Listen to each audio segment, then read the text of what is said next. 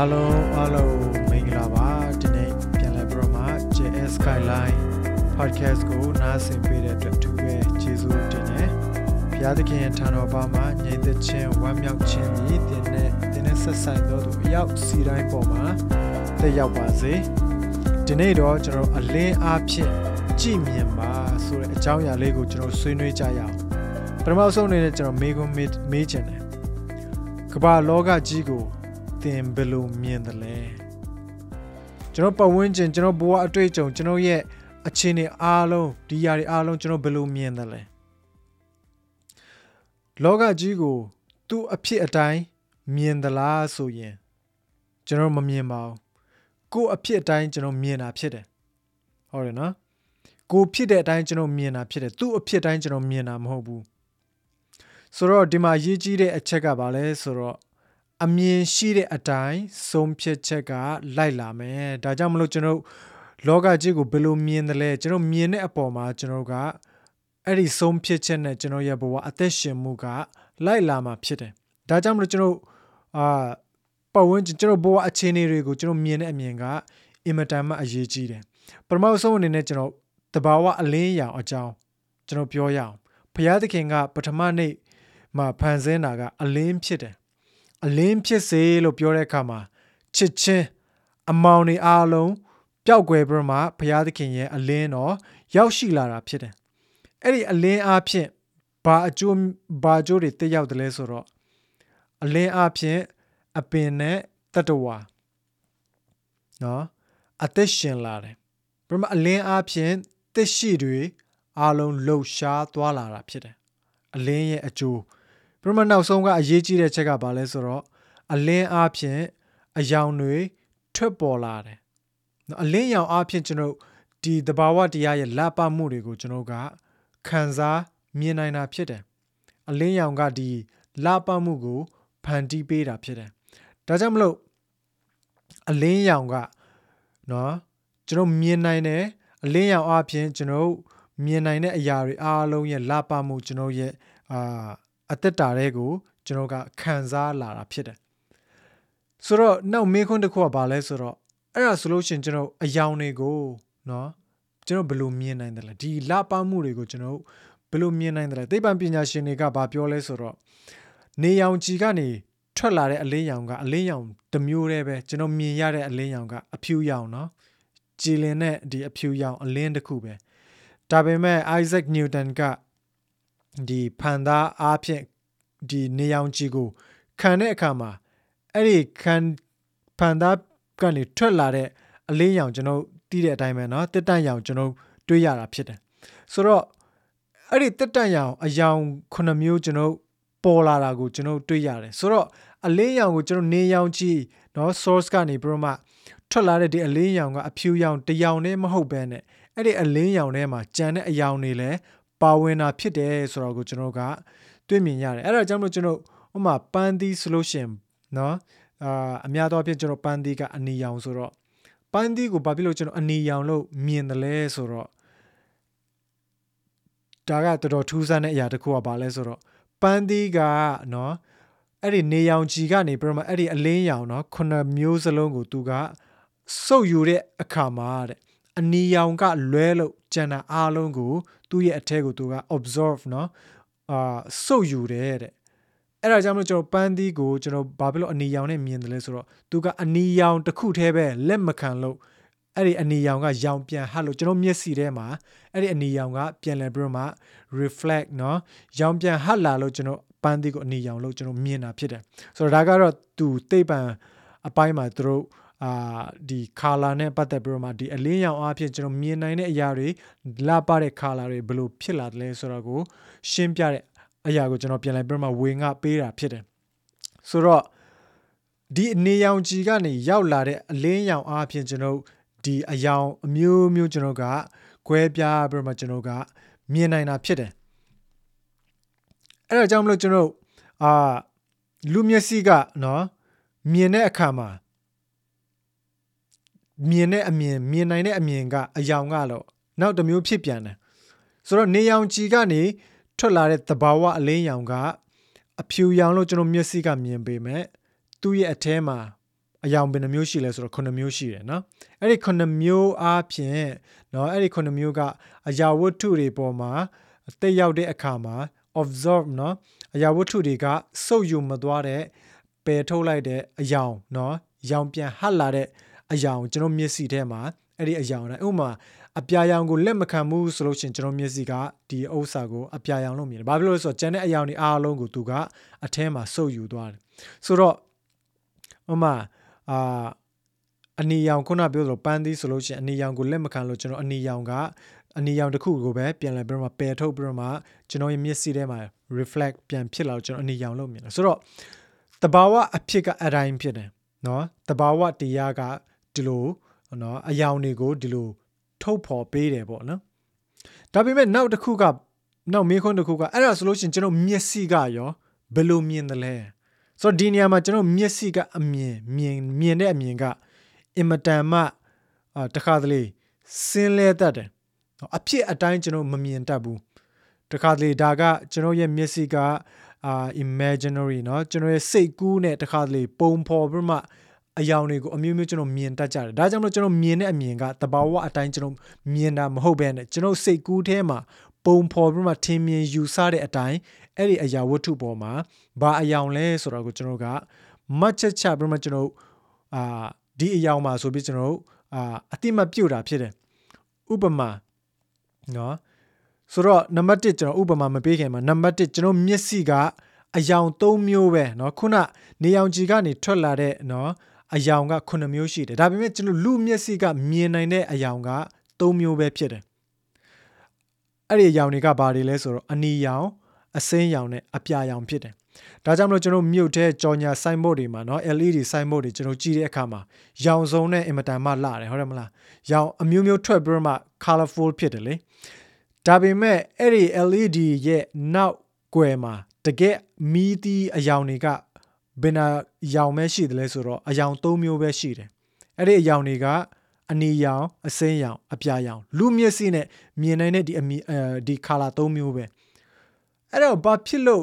board ပေါ်မှာကျွန်တော်အဝေးကနေကြည့်တဲ့အခါမှာဘာဖြစ်လို့ colorful နော်ရောင်စုံဖြစ်တယ်လဲကျွန်တော်မျက်စိကဘာဖြစ်လို့ရောင်စုံလို့မြင်တယ်လဲဆိုတော့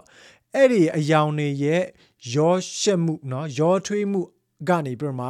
ထွက်ပေါ်လာတဲ့အယောင်ဥပမာ အနီရောင်နဲ့အစိမ်းရောင်နဲ့အပြာရောင်ဒီအယောင်၃မျိုးပဲဟုတ်တယ်မလား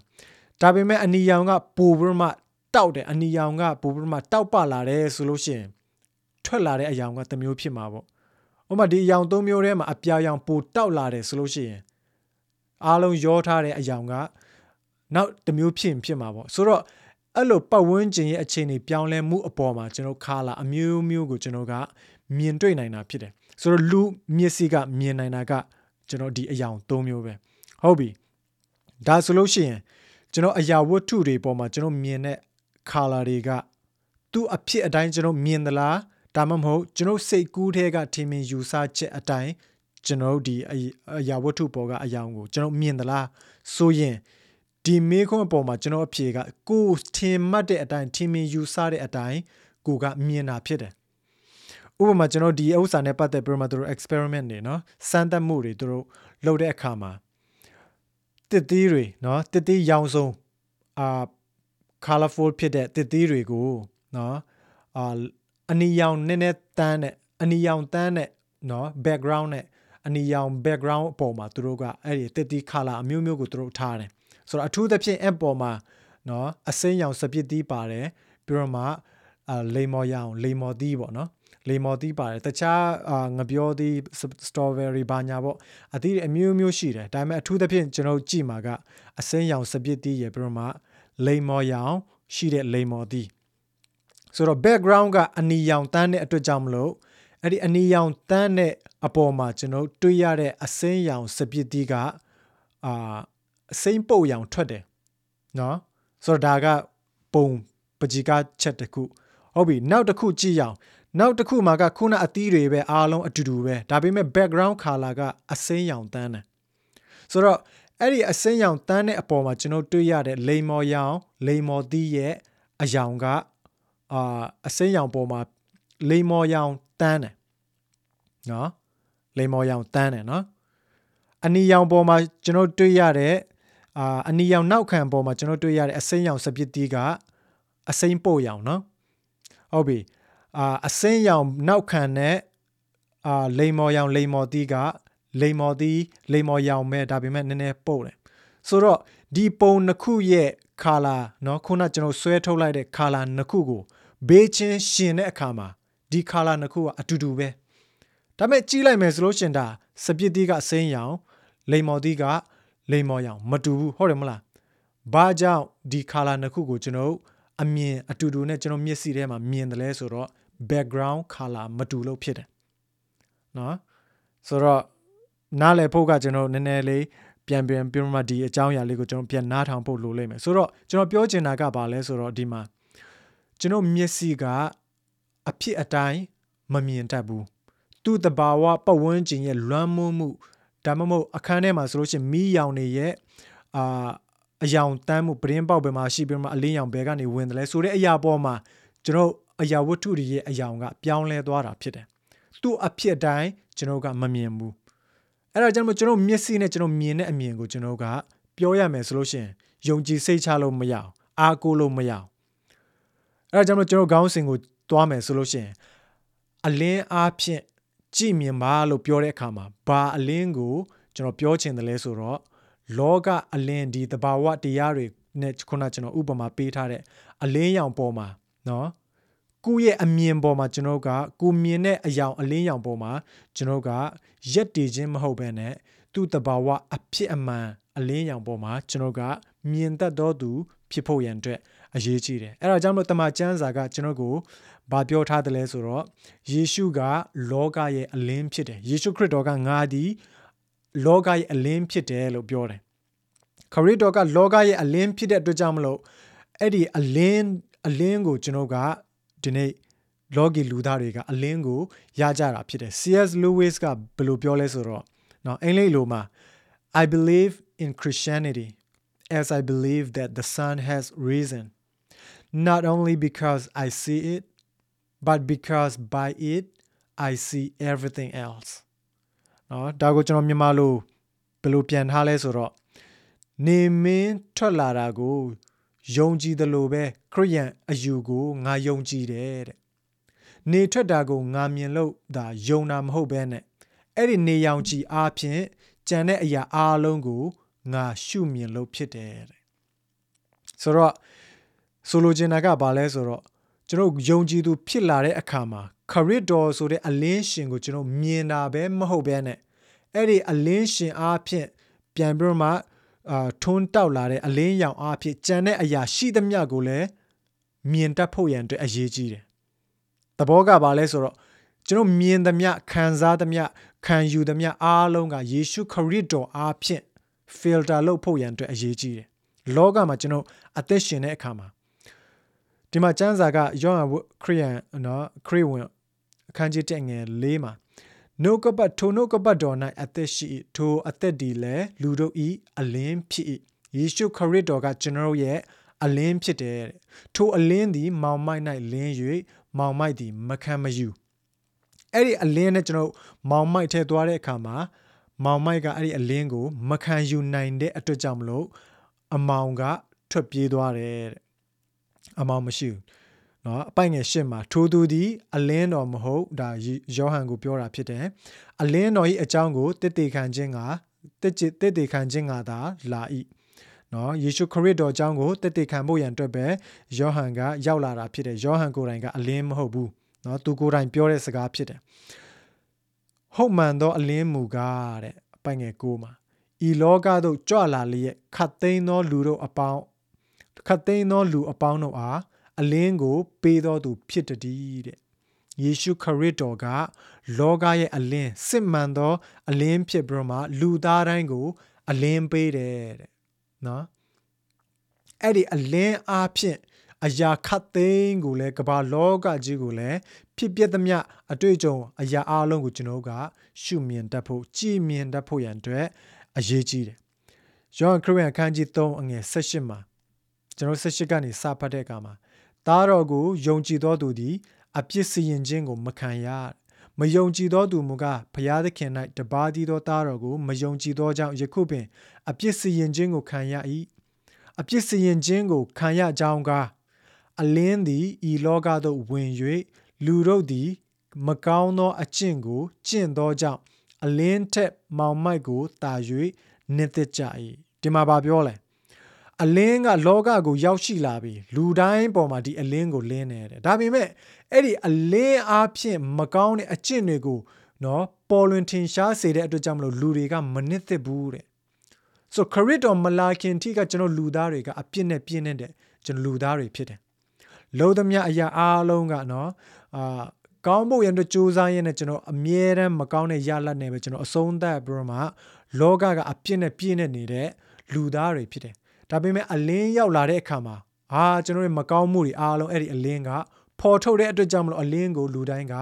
မနစ်သက်ကြဘူးတဲ့။ပိုက်ငယ်20မှာစိုးရုပ်သောအကျင့်ကိုကျင့်သောသူအပေါင်းတို့သည်အလင်းကိုမြင်ပြင်း၍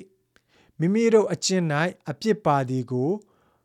မထင်ရှားစေခြင်းကအလင်းသို့မချင်းကပ်ကြ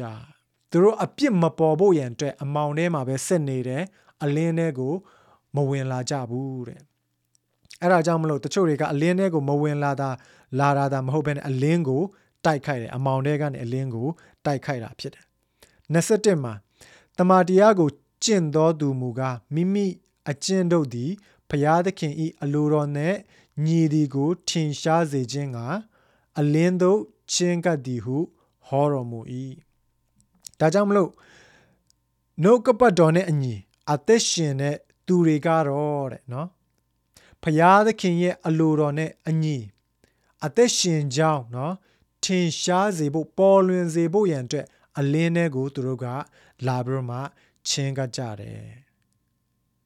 ဒီမှာကျွန်တော်အလင်းထဲမှာနေတဲ့သူနဲ့အမောင်ထဲမှာနေထိုင်ပြီးမှအသက်ရှင်သောသူတွေရဲ့မတူညီသောအသက်ရှင်မှုမတူညီသောသူတို့ရဲ့လောကအသက်ရှင်ကျင်လည်တဲ့အာပုံစံမတူညီကြောင်းကိုကျွန်တော်က တွေးရတာဖြစ်တယ်။ အဲ့ဒါကကျွန်တော်ယေရှုခရစ်တော်ဆိုတဲ့အလင်းရောက်လာတဲ့အခါမှာဒီမတူညီမှုကိုကျွန်တော်ကကွဲကွဲပြားပြားเนาะတဲတဲကွဲကွဲကျွန်တော်ကပိုင်းခြားနိုင်တာဖြစ်တယ်။ခရစ်တော်မလာခင်အထိကကျွန်တော်ကမသိဘူး။အမားအမှန်အဆိုးအကောင်းခုနပြောသလိုအလင်းရောင်မရှိတဲ့ချိန်မှာเนาะကျွန်တော်အယောင်နေเนาะအဖြူရောင်လားအနီရောင်လားအစိမ်းရောင်လားအပြာရောင်လားကျွန်တော်မသေးခွဲဘူးဒါပေမဲ့အလင်းရောင်ရောက်လာတဲ့အခါမှာတော့ ဝါစိမ်းနီပြအလင်းရောင်ကိုကျွန်တော်ခါလာတွေကိုကျွန်တော်ကတည်မြင်လာထိုနည်း၎င်းမဲ့ခရစ်တော်ဆိုတဲ့လောကရဲ့အလင်းစစ်မှန်သောအလင်းရောက်လာတဲ့အခါမှာအပြစ်တရားနဲ့အာစင်ချေခြင်းတရားကျွန်တော်ကွဲပြားခြားနားမှုကျွန်တော်ကမြင်နိုင်တယ်အဲ့ဒီမှာတချို့တွေကသူတို့ရဲ့မကောင်းမှုအဖြစ်တွေကိုပေါ်လွင်မှဆိုလို့အလင်းထဲကိုရောက်မလာဘဲနဲ့အမောင်ထဲမှာပဲသူတို့က celebrate မှာအသက်ရှင်နေထိုင်ကြတယ်လို့ပြောတယ်။ဒါကြောင့်မလို့ကျွန်တော်ဒီလောကကြီးမှာ အသက်ရှင်မှုပုံစံက၃မျိုးရှိတာဖြစ်တယ်။နော်လူသားတွေကျွန်တော်အသက်ရှင်တဲ့ပုံစံ၃မျိုးရှိတယ်။ပထမပုံစံကဘယ်သူဘယ်လိုလူမျိုးတွေလဲဆိုတော့ကိုကြိုက်နေတဲ့တလို့အသက်ရှင်တဲ့သူရှိတယ်။ကိုကြိုက်တဲ့အတိုင်းနော်ငါအတွက်မှန်တယ်ထင်ရင်ငါလုပ်မယ်ငါစိတ်ကျဉ်တတ်ဖို့ဆိုရင်ငါလုပ်မယ်ငါပျော်ရွှင်ရဖို့ဆိုလို့ရှိရင်ငါလုပ်မယ်ငါစိတ်ကျဉ်တတ်မှအရာရာအဆင်ပြေမယ် အဲ့လိုယုံကြည်ခံယူပြီးတော့မှသူကြိုက်တယ်လို့လွတ်လွတ်လပ်လပ်အသက်ရှင်နဲ့နော်အသက်ရှင်မှုပုံစံတစ်မျိုးရှိတယ်ဒုတိယပုံစံကဘယ်သူတွေလဲဆိုတော့မိမိအသက်ရှင်မှုပုံစံแท้ကိုနှုတ်ကပတ်တော်ဆွဲထဲတဲ့သူရှိတယ်အဲ့လိုလူတွေရဲ့စိတ်နေစိတ်ထားစိတ်အတွေးခေါ်ကပါလဲဆိုတော့ငါလဲကျင်တတ်မယ်ဖျားလဲပါဝင်မယ်ဟုတ်တယ်မလားတဘောကတော့ပထမလူနဲ့တော့တိတ်တော့မကွဲဘူးမကွဲပြားဘူးဒါပေမဲ့သူ့ရဲ့ထူးခြားမှုကပါလဲဆိုတော့အဲ့ဒီသူ့ရဲ့အသက်ရှင်တဲ့ပုံစံသူကြိုက်တယ်လို့နေပြီးတော့မှသူနေတဲ့ပုံစံကိုတမာတရားရောထည့်ပြီးတော့မှနော်အဟုတ်လုံနေတာပေါ့ဟုတ်တယ်လို့လို့လုံနေတာပေါ့ဆိုတော့အဲ့လိုပုံစံမျိုးအသက်ရှင်ခြင်းကတော်တော်လေးကိုအန္တရာယ်များတဲ့သူဖြစ်တယ်တော်တော်ကျွန်တော်ကြည်ရှောင်ရမယ့်သူတတိထားရမယ့်သူဖြစ်တယ်တတိယပုဂ္ဂိုလ်ကတော့ဘယ်သူလဲဆိုတော့နှုတ်ကပတ်တော်အတိုင်း အသက်ရှင်တဲ့သူရှိတယ်ဒီလိုလူတွေရဲ့စိတ်အတွေးခေါ်ကပါလဲဆိုတော့ဖျားအလိုတော်တိုင်းပဲဝန်ခံအနံ့မယ်ဆိုတဲ့ဆုံးဖြတ်ချက်နဲ့အသက်ရှင်တဲ့သူတွေဖြစ်တယ်ဆိုတော့ဒါနှုတ်ကပတ်တော်ကပြောတယ်ဆိုလို့ရှိရင်နှုတ်ကပတ်တော်ပြောတဲ့အတိုင်းငါမကျေနပ်ပေမဲ့လဲငါရဲ့ကိုယ်ခန္ဓာအသွေးသားမှာဆင်းရဲဒုက္ခခံရပေမဲ့လဲနော်စူးစမ်းအားထုတ်မှုမှာချွေးထွက်ရပေမဲ့လဲနှုတ်ကပတ်တော်ပြောတယ်ဆိုလို့ရှိရင်နှုတ်ကပတ်တော်ပြောတာကိုငါ လိုက်နာမယ်နှုတ်ကပတ်တော်ပြောတဲ့အတိုင်းငါအသက်ရှင်မယ်ဆိုတဲ့သူတွေဖြစ်တယ်ဆိုတော့ဒီလူသုံးမျိုးရဲ့အသက်ရှင်မှုပုံစံကကွဲပြားမှုနည်းနည်းနည်းနည်းစီနော်ရှိပြီးမှပထမလူနဲ့တတိယလူဆိုလို့ရှိရင်လုံးဝကွဲပြားမှုရှိတယ်ဆိုတော့ကိုကျွန်တော်ကတွေးရတာဖြစ်တယ်အဲ့ဒါဘာအားဖြင့်ကျွန်တော်သိတယ်လဲဆိုတော့နှုတ်ကပတ်တော်ဆိုတဲ့အလင်းတော်အားဖြင့်ဖြစ်တယ် အဲ့ဒီအလင်းတော်ကိုကျွန်တော်ရဲ့အသက်တာထဲမှာရှိမှာပဲဒီကွဲပြားမှုမတူညီမှုခြားနားမှုကိုကျွန်တော်မြင်ပြီးတော့မှဘယ်လန်းကိုလိုက်ဘယ်လန်းမှာကျွန်တော်အသက်ရှင်ရမလဲဆိုတော့ကိုကျွန်တော်ရွေးချယ်နိုင်မှာဖြစ်တယ်သင်တို့သည်လောကီပုံသဏ္ဍာန်ကို မဆောင်ကြနဲ့ကောင်းမြတ်သောအရာနှစ်သက်ဖွယ်သောအရာစုံလင်သောအရာတီးဟုသောဖျားသခင်အလိုတော်ရှိသောအရာသည်အဘယ်အရာဖြစ်သည်ကိုသင်နိုင်မည်အကြောင်း စိတ်နှလုံးကိုအသစ်ပြင်ဆင်၍ပုံသဏ္ဍာန်ပြောင်းလဲခြင်းသို့ရောက်ကြလောရှင်ဘောလုကယောမအခန်းကြီး7အငယ်1မှာလောကီပုံသဏ္ဍာန်ကိုမဆောင်ကြနဲ့ဘာဖြစ်လို့လဲကျွန်တော်ကလောကီလူတွေမှမဟုတ်တော့တာကျွန်တော်တို့ကကောင်းကင်နိုင်ငံသားတွေဖြစ်တဲ့အတွက်ကြောင့်မလို့လောကီလူသားတွေလိုအသက်မရှင်ဖို့သူတို့ရဲ့ပုံသဏ္ဍာန်နဲ့ကျွန်တော်မတူညီဖို့ရန်အတွက်အင်မတန်မှအရေးကြီးပါတယ်ဒီမှာယုံကြည်ခံယူမှုမှာလုံးဝနော် နည်းနည်းမှအတိန်ဆောင်မခံဘူးလုံးဝလောကီပုံသဏ္ဍာန်ကို မဆောင်ကြနဲ့တဲ့ကောင်းမြတ်တဲ့ရာနေတဲ့ဖွယ်သောရာစုံလင်သောရာတည်သောဘုရားသခင်ရဲ့အလိုတော်ဟာဘာလဲဆိုတာကို အမြဲတမ်းသင်ယူပါဘုရားသခင်ဘာလိုချင်တယ်လဲဘုရားသခင်ဘယ်လိုအသက်ရှင်စေချင်တယ်လဲဘုရားသခင်ကျွန်တော်ပေါ်မှာဘယ်လိုမျှော်လင့်တယ်လဲဆိုတော့ကိုအမြဲတမ်း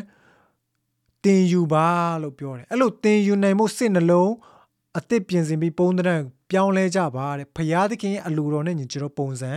ပြောင်းဖို့ရန်အတွက်ဘုရားသခင်ကဒီနေ့ယုံကြည်သူအယောက်ချင်းစီတိုင်းကိုလိုချင်တာဖြစ်တယ်လောကမှာပြည့်စုံတဲ့သူမရှိဘူးဆိုတာအသွေးသားကြောင့်ဖြစ်တယ်ဒါပေမဲ့ကျွန်တော်စိတ်နှလုံးကဘုရားသခင်ရဲ့အလိုတော်ဘာလဲဆိုတာကို အမြဲတမ်းနေ့ရက်စဉ်တိုင်းမှာသင်ယူနေမယ်ဆိုလို့ရှိရင် ကျွန်တော်ရဲ့အသွေးသားရဲ့အလိုဆန္ဒအပေါ်မှာကျွန်တော်ကတဖြည်းဖြည်းချင်းစီအောင်မြင်တော်သူတွေဖြစ်လာမှာဖြစ်တယ်ဒီမှာဘုရားသခင်လိုချင်တာကဘာလဲဆိုတော့သူ့ရဲ့အလိုတော်ကိုသင်ယူတော်သူဖြစ်ဖို့ရန်အတွက်ပဲကျွန်တော်ကိုလိုချင်တာကျွန်တော်စိတ်နှလုံးကဘုရားသခင်ဘာလိုချင်တယ်လဲမနေ့အိယာထားတဲ့အခါမှာကိုယ့်ရဲ့အာ agenda တွေကိုဦးစားပေးပြီးမှဒါတွေစဉ်းစားရမှာဘုရားသခင်ဘယ်လိုအသက်ရှင်စေခြင်းတယ်လဲ ဒီအစည်းအဝေးမှာဘုရားသခင်ဘယ်လိုစကားပြောစေခြင်းလဲကျွန်တော်ရဲ့စဉ်းစားဆင်ခြင်မှုเนาะဆင်ခြင်သုံးသပ်မှုတွေအားလုံးမှန်ကန်သလားတမန်ကျမ်းစာနဲ့ညီသလားနေ့ရက်စဉ်တိုင်းမှာ check up လုပ်ပြီးမှဘုရားသခင်အလိုတော်ဘာလဲဆိုတာကိုသင်ယူနေတော့သူမေးမြန်းနေတော့သူဆူတောင်းခြင်းအဖြစ်နှုတ်ကပတ်တော်ဖတ်ခြင်းအဖြစ်စင်ခြင်းနှလုံးသွင်းခြင်းအဖြစ်မေးမြန်းနေတော့သူဖြစ်ဖို့ရန်အတွက်ဘုရားသခင်ကလိုချင်တာဖြစ်တယ်ဒါကြောင့်မလို့ဒီနေ့ကျွန်တော်ဒီအသက်တာမှာ ကျွန်တော်မြင်သမျှအားလုံးဟာကိုယ့်ရဲ့အတွေးအမြင်ယုံကြည်ခံယူမှုเนาะအတိတ်သမိုင်းရဲ့လွှမ်းမိုးမှုအပေါ်မှာဘဝအတွေ့အကြုံကိုမြင်တော့သူမဟုတ်ဘဲနဲ့เนาะဖရာသခင်နှုတ်ကပတ်တမချမ်းစာကဘယ်လိုပြောသလဲကျွန်တော်ရဲ့ဘဝနဲ့ပတ်သက်ပြီးတော့မှကျွန်တော်ရဲ့အသက်ရှင်ခြင်းနဲ့ပတ်သက်ပြီးတော့မှဖရာသခင်ကနော်ဘယ်လိုပြောနေသလဲဆိုတာကိုနှုတ်ကပတ်တော်အခြေခံခြင်းအပြင်